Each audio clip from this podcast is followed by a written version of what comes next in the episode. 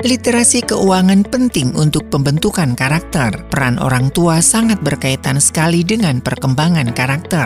Apa kaitan literasi keuangan, karakter, dan parenting? Simak perbincangan seputar keuangan, parenting, dan karakter dalam Pelangi Kasih hari Kamis pukul 11 waktu Indonesia Barat hanya di 92,5 Maestro FM. 92,5 Maestro FM House with the Sound. Shalom dan apa kabar Sobat Maestro? Bertemu kembali di program Pelangi Kasih hari ini ya. Dan seperti biasanya setiap hari Kamis kita akan ngobrol KPK Keuangan, parenting dan juga karakter. Tentunya bersama Profesor Chandra Cahyadi PSD Profesor of Finance Eastern Illinois University USA. Dan bagi sobat maestro yang mungkin ada pertanyaan ya seputar keuangan, parenting dan juga karakter, bisa SMS atau WhatsApp di 081 321 atau bisa kunjungi YouTube-nya Profesor Chandra ya ngobrol KPK YouTube channel atau juga bisa DM ke Instagramnya di ngobrol KPK. Dan kita masih berbincang ini diambil dari bukunya Profesor Chandra ya Financial Wisdom for Your Kids. Nah buat anda yang mungkin juga ingin mendapatkan buku ini, anda juga bisa menghubungi uh, saya nanti ya atau juga bisa DM langsung ya Profesor Chandra. Kita masih melanjutkan ya bagaimana kita mengedukasi edukasi tentang literasi keuangan bagi anak-anak kita. Seperti apa? Nanti ya, tetap di Pelangi Kasih.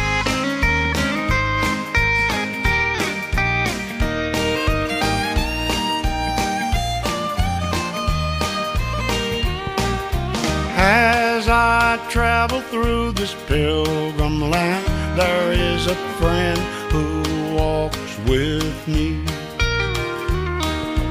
Leads me safely through the sinking sand. It is the Christ of Calvary.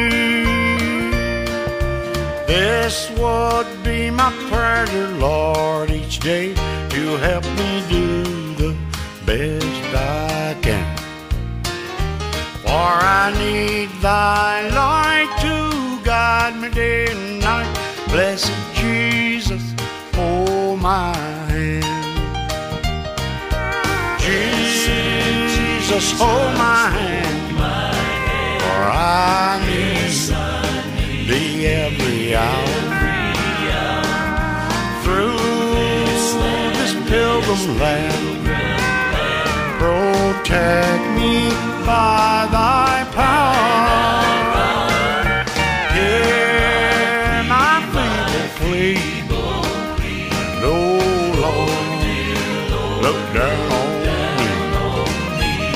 I kneel in prayer, I hope to meet you there. Blessed Jesus, hold my hand. Let me travel in the light divine that I may see the blessed way. Keep me that I may be wholly thine and sing redemption's song someday. I will be a soldier brave and true and ever firmly take a stand. As I onward go, I daily meet the foe. Blessed Jesus, hold my hand. Hold my hand, cause I need thee every hour. Through this pilgrim land, protect me by thy power. Hear my feeble plea, and oh Lord, When I kneel in prayer, I hope to meet you there. Blessed Jesus, hold my hand. When I kneel in prayer, I hope to meet you there. Blessed Jesus, hold my hand.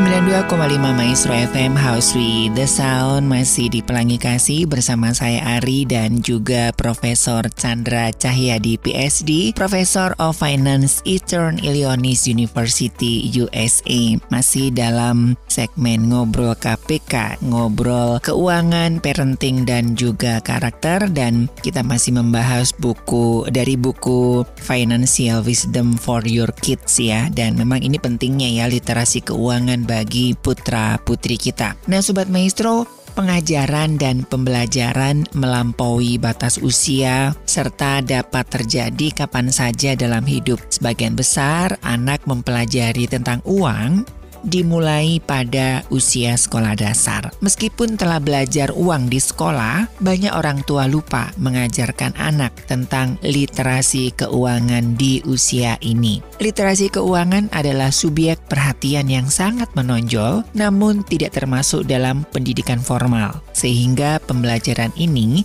harus diajarkan kepada anak-anak di rumah. Oleh karena orang tua paling sering mulai memberikan uang kepada anak-anak mereka pada usia 10 hingga 12 tahun.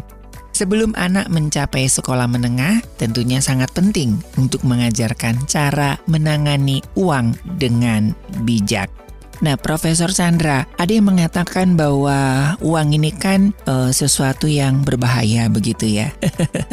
Tapi ada di satu sisi yang mengatakan bahwa uang ini kan uh, sesuatu yang netral, tergantung bagaimana kita menggunakannya. Bagaimana pandangan dari Profesor Chandra ini mengenai uang ini sehingga para orang tua tidak takut ketika memberikan literasi keuangan kepada putra-putri mereka. Selamat pagi Mas Ari dan selamat pagi teman-teman pendengar Radio Mestro di mana pun Anda berada. Jadi hari ini saya mau bicara mengenai masalah kenetralan uang dan bagaimana kita mengajarkan konsep ini kepada anak-anak kita. Nah jadi satu hal yang penting yang harus ditekankan kepada anak-anak adalah satu fakta bahwa uang itu adalah satu alat yang netral. Karena uang ini bisa dipakai untuk hal yang baik tapi juga kalau tidak digunakan dengan bijak, uang ini bisa menjadi satu hal yang sangat negatif. Nah, kita pun juga perlu mengajarkan kepada anak-anak kita bahwa uang itu bukanlah akar dari masalah. Tapi yang jadi masalah di sini adalah perasaan kita atau obsesi kita akan uang. Jadi kita bicara mengenai masalah cinta akan uang.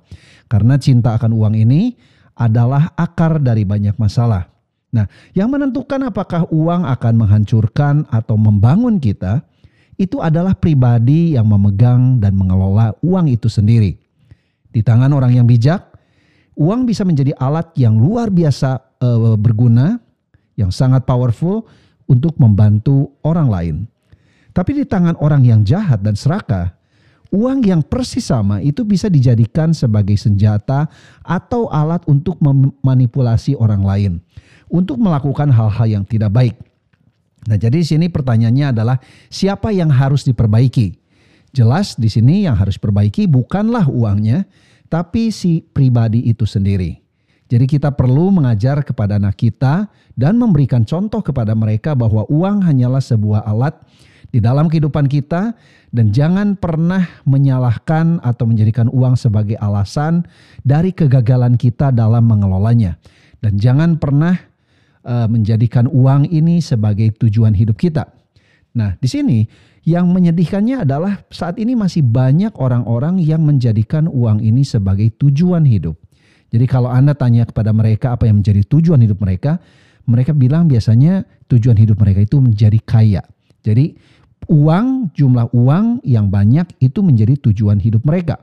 Nah, saya akan jelaskan mengapa tujuan hidup e, untuk mengumpulkan uang ini adalah sesuatu yang menurut saya tuh tidak akan membawa kita ke sana, tapi justru dengan punya satu mindset bahwa uang itu adalah sesuatu yang perlu dikejar, itu justru akan menghancurkan kehidupan kita sendiri. Nah, ketika uang dijadikan sebagai alat, nah ini menariknya, ketika uang dijadikan sebagai alat, walau memiliki uang sebanyak apa pun, kita tidak pernah akan dikuasai oleh uang tersebut. Karena kita tahu sekali lagi bahwa uang adalah alat di tangan kita untuk mencapai tujuan hidup. Jadi sekali lagi perlu kita ajarkan kepada anak-anak bahwa uang itu adalah alat untuk mencapai tujuan dan bukan tujuan itu sendiri. Tapi ketika kita menjadikan uang sebagai sasaran akhir kita, sebagai tujuan hidup kita, maka kita pelan-pelan akan diperbudak dan dikuasai oleh uang tersebut. Ya. Kalau Anda melihat uang sebagai tujuan hidup yang harus Anda capai, maka Anda tidak akan pernah merasa cukup. Di sini adalah kata kuncinya adalah tidak pernah merasa cukup. Karena memang itu adalah sifat manusia, tidak pernah puas. Nah, saya juga memberikan satu analogi mengenai uang ini dengan sebuah pisau yang tajam. Di tangan seorang chef sushi yang terkenal, pisau ini bisa menjadi alat yang sangat berguna yang mendatangkan income kepada pemiliknya. Tapi pisau yang sama di tangan seorang penjahat bisa menjadi alat kejahatan. Nah, sekali lagi pisau ini analoginya ini adalah benda mati. Dia tidak jahat, dia juga tidak baik. Ini adalah alat yang netral. Yang menentukan apakah pisau itu jadi alat yang berguna atau tidak, itu sebenarnya adalah siapa yang memegangnya dan bagaimana atau bagaimana eh, segimana ahli dia dalam memakai pisau tersebut. Demikian juga dengan uang. Jadi jangan pernah kita menyalahkan uang bila kita kehabisan uang. Jangan salahkan uang bila kita tidak bisa mengaturnya dengan baik. Kita perlu belajar mengevaluasi diri kita sendiri jika kita mengalami kesulitan keuangan. Ketika kita mengalami masalah keuangan.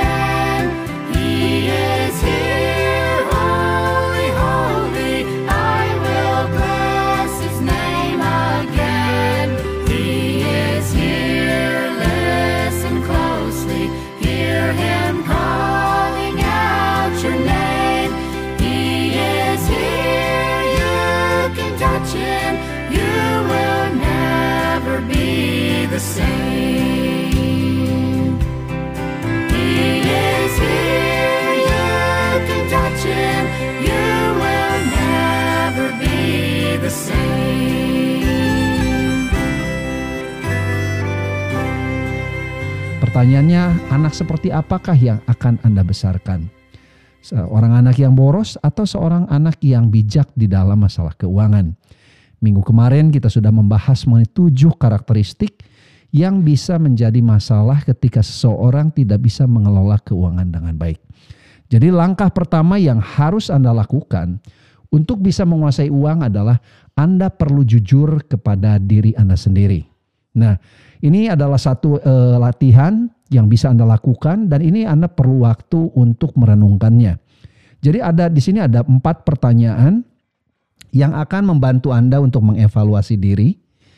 Apakah Anda ini sudah bisa mengelola uang atau Anda masih perlu meningkatkan kemampuan pengelolaan keuangan itu sendiri? Yang pertama adalah eh, pertanyaan pertama adalah bagaimana cara Anda memandang uang? Nah, tadi saya sudah jelaskan apakah Anda memandang uang ini sebagai satu alat dalam mencapai tujuan akhir atau Anda memandang uang ini sebagai tujuan akhir itu sendiri. Nah ini pun juga Anda bisa ajarkan kepada anak-anak Anda. Itu pertanyaan yang pertama. Jadi Anda ketika menjawab pertanyaan-pertanyaan ini, saya juga minta supaya Anda bisa jujur dan jangan ada satu perasaan, oh saya mau mencari jawaban yang paling benar. Jadi di sini Anda bukan mencari jawaban yang benar, tapi jawablah pertanyaan-pertanyaan ini sesuai dengan kondisi Anda saat ini. Oke. Nah, tadi yang pertama adalah bagaimana cara kita memandang uang. Pertanyaan kedua adalah apa motivasi Anda bekerja keras selama ini? Apakah supaya banyak uang? Apakah supaya orang lain tahu bahwa Anda kaya dan lebih baik dari mereka? Atau Anda menjadikan uang ini sebagai satu alat untuk membantu Anda mencapai tujuan hidup Anda? Atau Anda memakai uang ini untuk membantu lebih banyak orang lain. Ya. Jadi ada banyak motivasi dan Anda sekali lagi saya minta supaya Anda berani menjawab pertanyaan-pertanyaan ini dengan jujur dan terbuka kepada diri sendiri. Memang kalau Anda memberikan jawaban yang istilahnya tidak otentik, tidak ada orang lain yang tahu mengenai kebenaran dari jawaban Anda itu. Tapi Anda sendiri bisa tahu apakah Anda sudah menjawab semua pertanyaan ini dengan benar atau Anda masih memberikan jawaban yang terasa terbaik, tapi bukan jawaban yang paling jujur. Pertanyaan berikutnya adalah apakah uh, Anda sudah memakai uang ini dengan benar? Artinya, apakah uh, Anda sudah memakai uang ini untuk membeli hal-hal yang memang diperlukan atau Anda itu membeli barang-barang untuk mempertahankan gengsi atau mempertahankan status di kelompok tempat Anda berada, ya. Jadi ada orang-orang yang memang mereka itu hidupnya utilitarian. Artinya mereka cuma membeli barang-barang yang mereka butuhkan. Nah, tapi ada juga begitu banyak orang yang senang flexing. Banyak orang yang membeli barang karena kalau mereka tidak membeli barang tersebut, mereka takut bahwa mereka ke status sosial mereka itu akan berkurang di dalam kelompok tempat mereka berada sehingga mereka menjadi tidak merasa secure. Nah, itu pertanyaan yang juga Anda harus jawab dengan jujur. Pertanyaan yang terakhir adalah apa yang menjadi uh, perasaan diri Anda ketika Anda kehilangan uang Anda? Apakah Anda akan sulit untuk move on karena merasa uang ini adalah satu status Anda, satu simbol dan standar kesuksesan Anda? Atau Anda sekali lagi di sini melihat uang ini sebagai satu alat. Dan Anda ketika kehilangan uang ini, ya Anda lebih mudah untuk bisa move on, untuk merelakan. Ya. Jadi jika Anda jujur dengan diri sendiri, maka Anda bisa tahu cara Anda memandang uang. Apakah Anda adalah pengelola dan penguasa uang, atau Anda adalah seorang budak dari uang. Dan kalau Anda tidak melakukan satu perubahan yang drastis saat ini, saya percaya bahwa anak cucu Anda akan mewarisi cara pandang yang sama. Jadi jangan Anda pernah berharap bahwa tanpa melakukan apa-apa, pola pemikiran Anda yang misalnya saat ini mengenai masalah uang itu yang masih belum positif, itu akan berubah menjadi positif dengan sendirinya di dalam kehidupan anak dan cucu Anda. Itu tidak akan terjadi, ya. Ingat bahwa pengaruh orang tua dalam kehidupan anak-anak itu begitu besar. Jadi itu eh, satu hal yang bisa kita lakukan saat ini di dalam masalah belajar untuk jujur kepada diri sendiri dan belajar untuk mengevaluasi bagaimana kita cara memandang uang.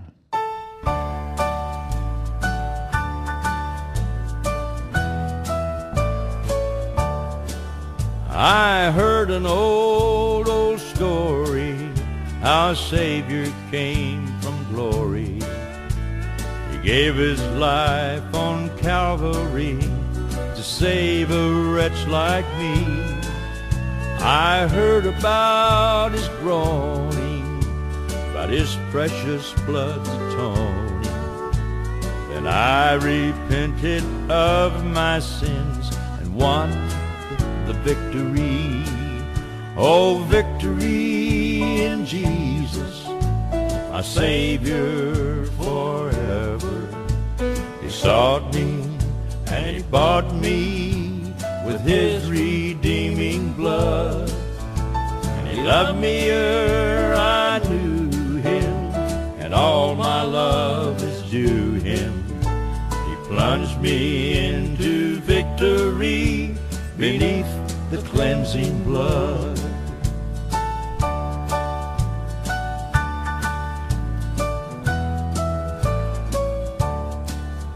I heard about a mansion he has built for me in glory. And I heard about streets of gold beyond the crystal sea. About the angels singing and the old redemption story. Some sweet day I'll sing a prayer, song of victory. Oh, victory in Jesus, my Savior forever. He sought me and he bought me with his redeeming blood. And he loved me ere I knew him, and all my love is due him. He plunged me to victory beneath the cleansing blood.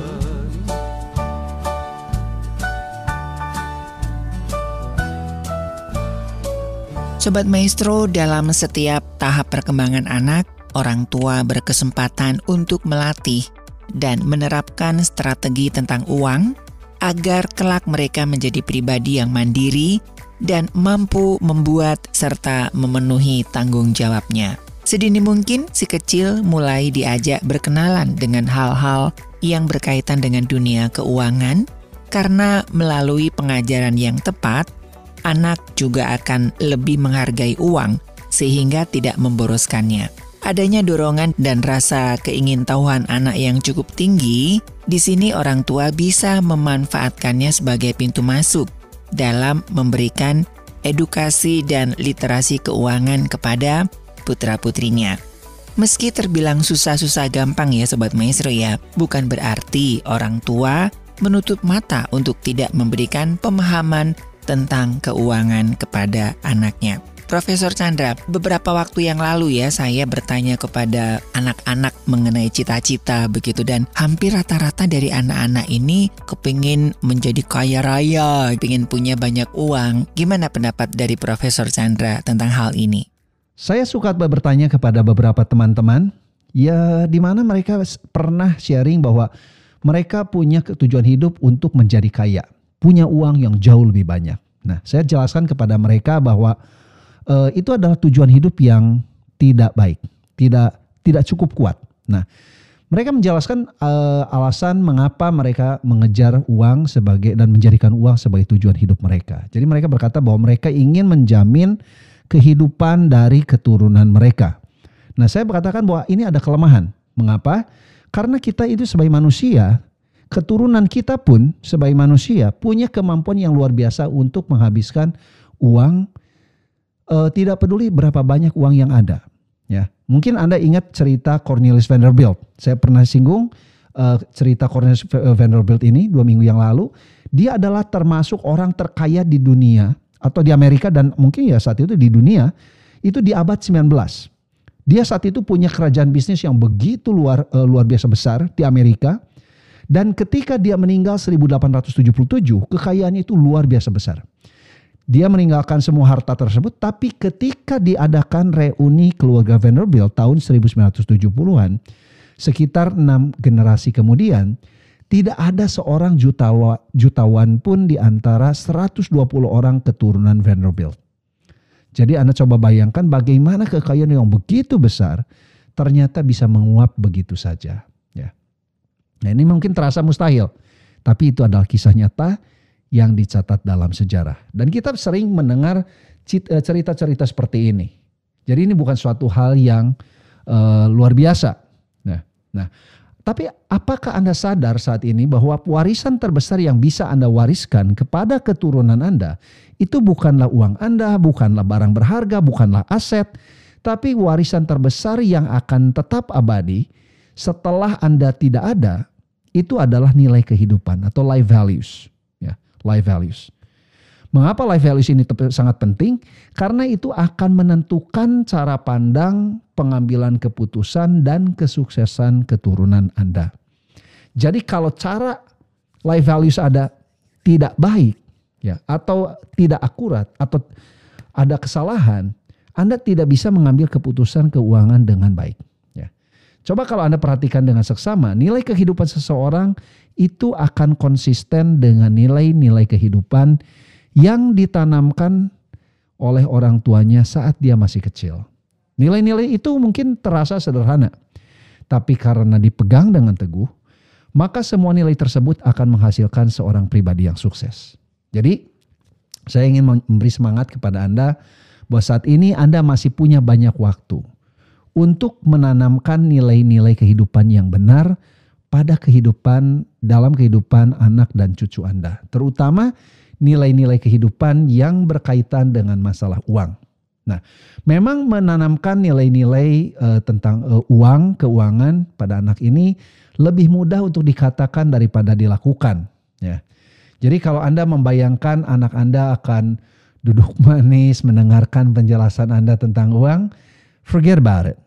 Nah, lima menit pertama mungkin mereka akan bisa tahan, tapi lima menit berikutnya mungkin mereka akan mulai gelisah dan setelah berapa lama mereka mungkin sudah pergi karena mereka merasa bosan. Nah, jadi bagaimana cara Anda mengajarkan atau membagikan nilai-nilai kehidupan ini? Cara yang terbaik itu adalah dengan memberikan teladan. Biarlah anak-anak Anda melihat teladan yang baik di dalam kehidupan Anda, bukan pengajaran secara verbal, ya.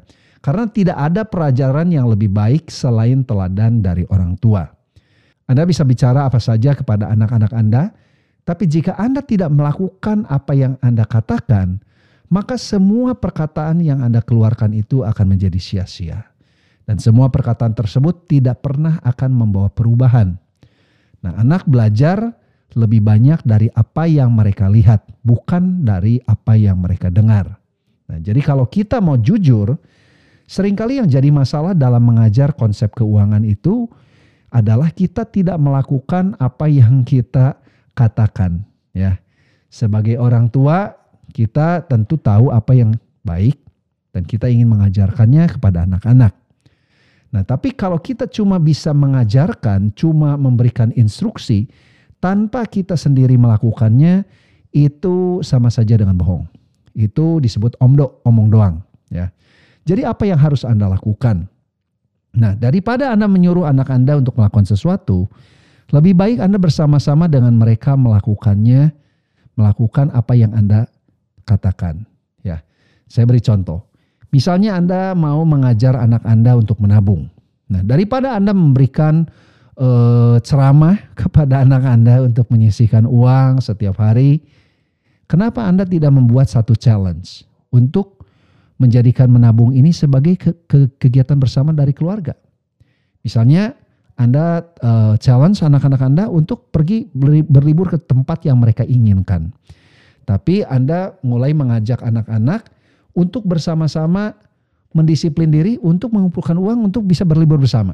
Jadi ajak anak Anda setiap hari untuk menyisihkan sebagian uang uang saku mereka ke dalam dana liburan ini. Dan Anda pun juga lakukan hal yang sama di depan anak Anda.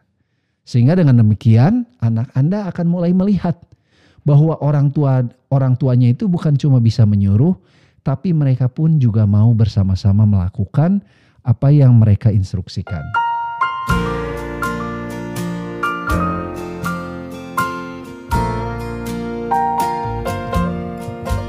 lonely years I had lived them.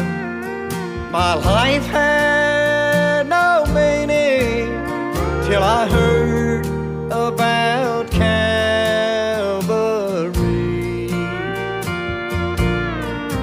Then I knelt down in prayer. The Lord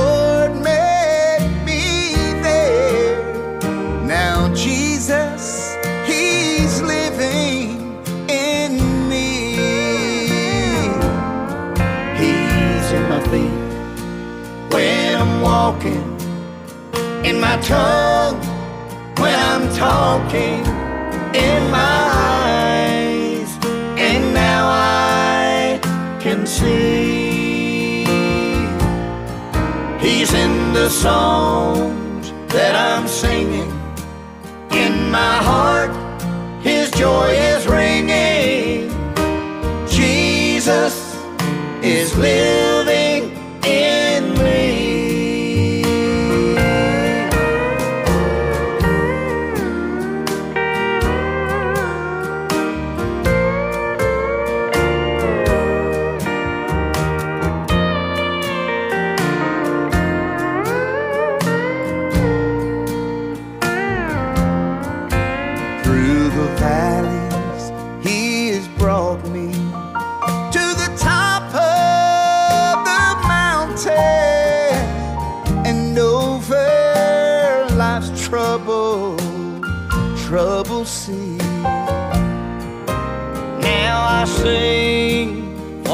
glory, song that tell the great story, cause Jesus is living in me.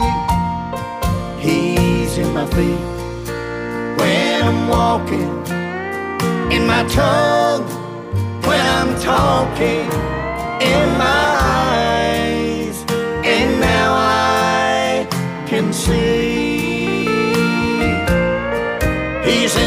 songs that I'm singing in my heart, His joy is ringing.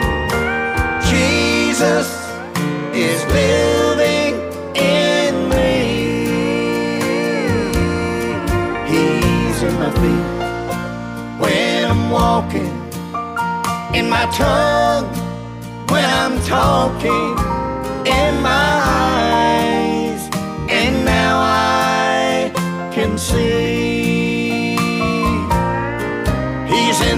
songs that I'm singing. In my heart, His joy is ringing.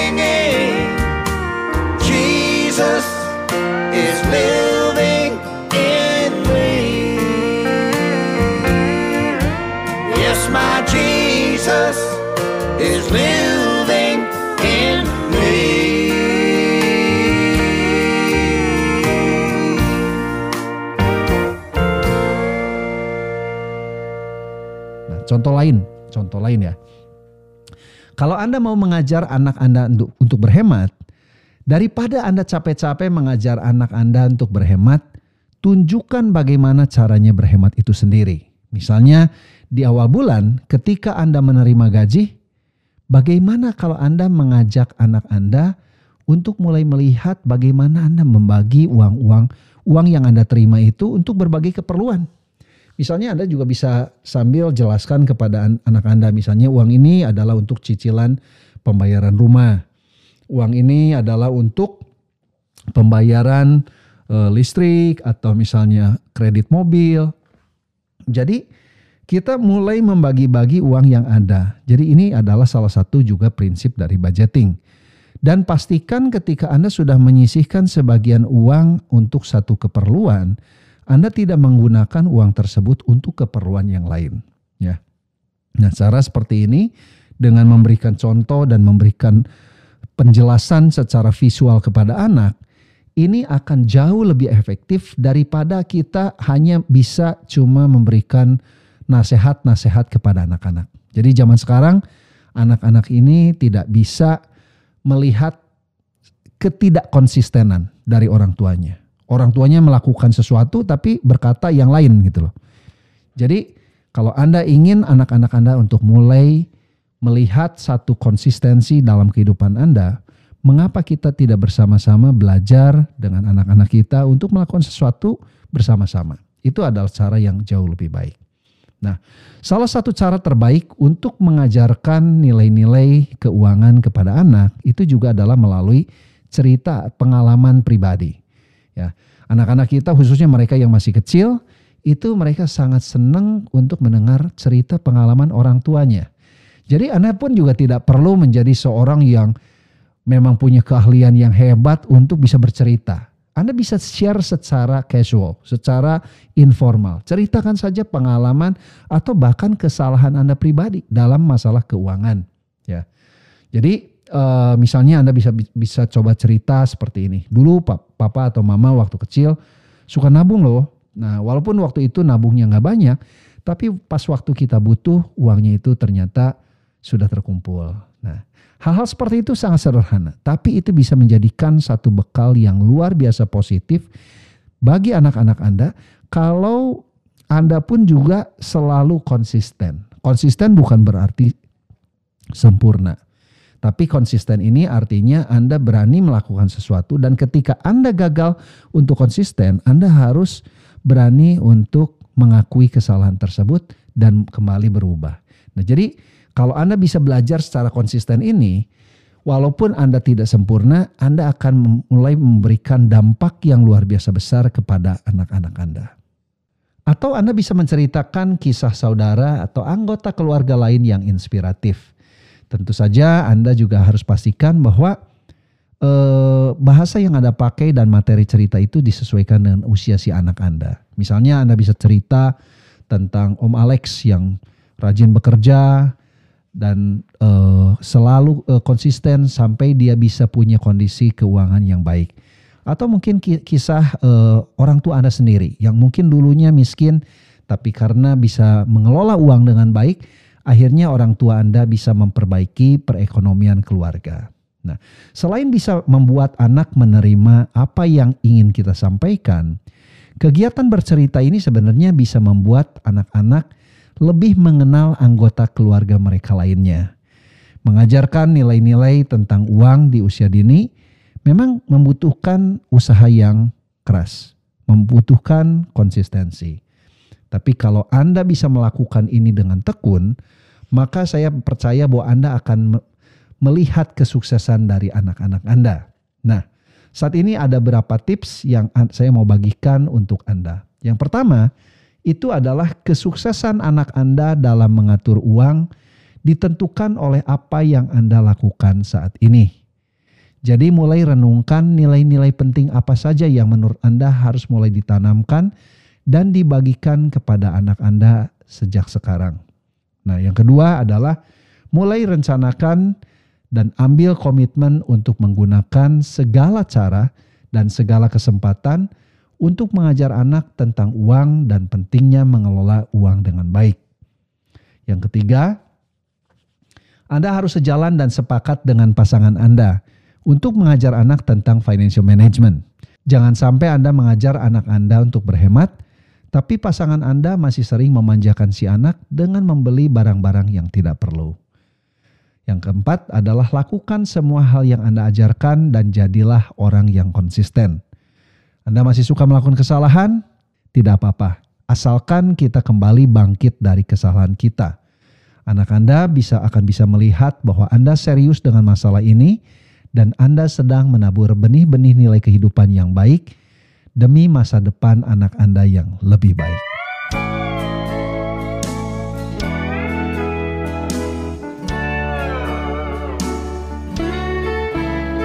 On the outskirts of a small town, down a dirt road on a hill, in an old white frame house, at a chair she would kneel. My burdens were lifted every time she spoke my name. Yeah, God smiled at the devil when my mama prayed. Yeah, I know about crazy living outside the lines. Oh,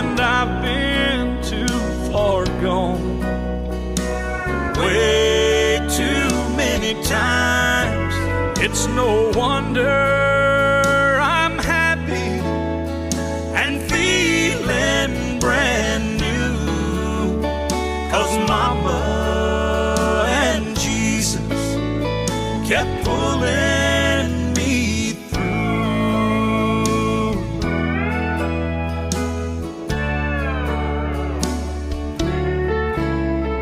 You'd think that by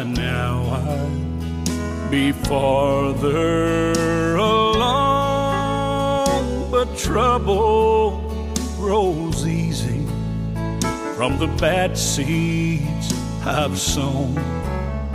But I stand here forgiven, and all the credit is due to Mama and Jesus for pulling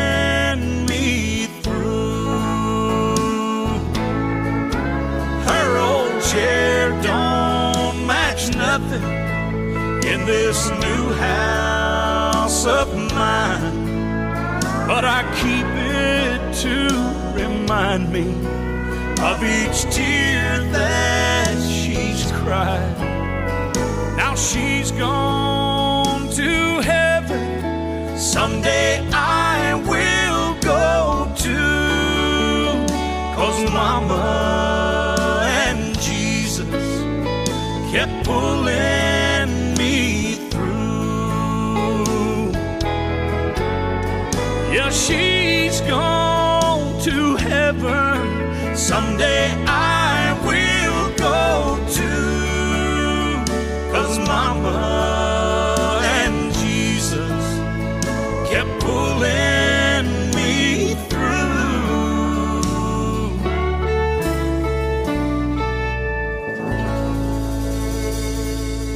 Sobat Maestro, setiap anak akan bertumbuh remaja dan dewasa nantinya.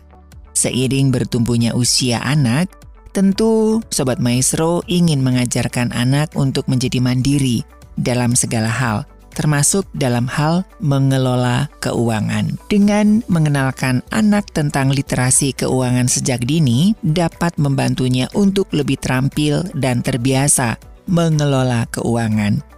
Selain itu juga mengajarkan anak bagaimana mengatur pemasukan dan pengeluaran dengan bijaksana. Sayangnya Sobat Maestro, literasi seputar keuangan ini tidak dipelajari di pendidikan formal ya, sehingga orang tua ini perlu berinisiatif untuk mengajarkannya. Menariknya, mengajarkan anak tentang keuangan bisa melibatkan kegiatan sehari-hari yang tak rumit dan menyenangkan. Nah, buat Anda yang mungkin bingung ya bagaimana mengajarkan keuangan tentang keuangan kepada anak sebagaimana dengan pembahasan kita ya yang kita ambil dari buku tulisan dari Profesor Chandra yaitu Financial Wisdom for Your Kids ya. Anda bisa memilikinya ya. Tinggal DM aja ke Instagramnya Profesor Chandra ataupun ke YouTube channelnya KPK ya ngobrol KPK atau juga menghubungi saya nanti saya kasih informasinya. Sekali lagi terima kasih buat Profesor Chandra Cahyadi PhD, Professor of Finance Eastern Illinois University USA dan juga pemilik Ngobrol KPK YouTube channel. Semoga informasi ini bisa memberikan inspirasi bagi orang tua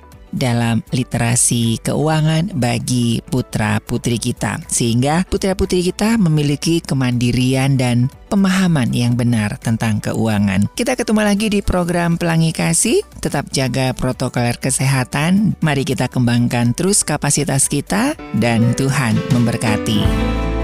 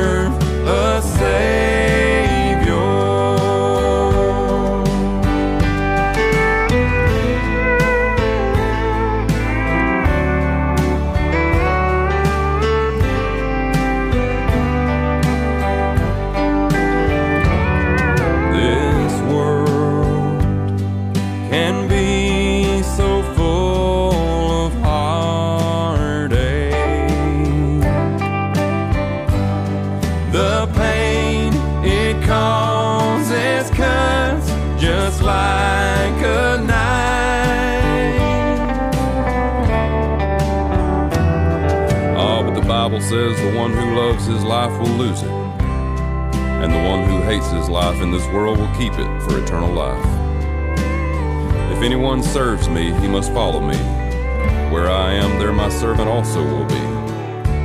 If anyone serves me, the Father will honor him.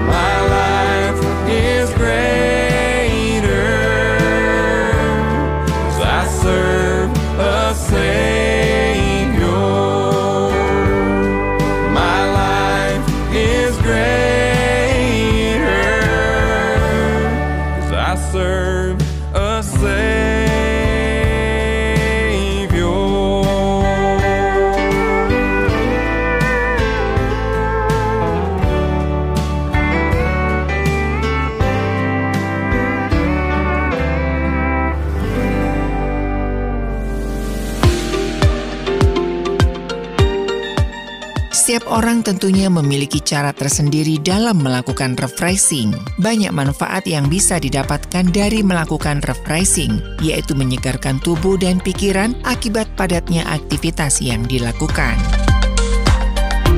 Simak perbincangan seputar gaya hidup dalam Pelangi Kasih Spesial Weekend hari Jumat pukul 11 waktu Indonesia Barat hanya di 92,5 Maestro FM.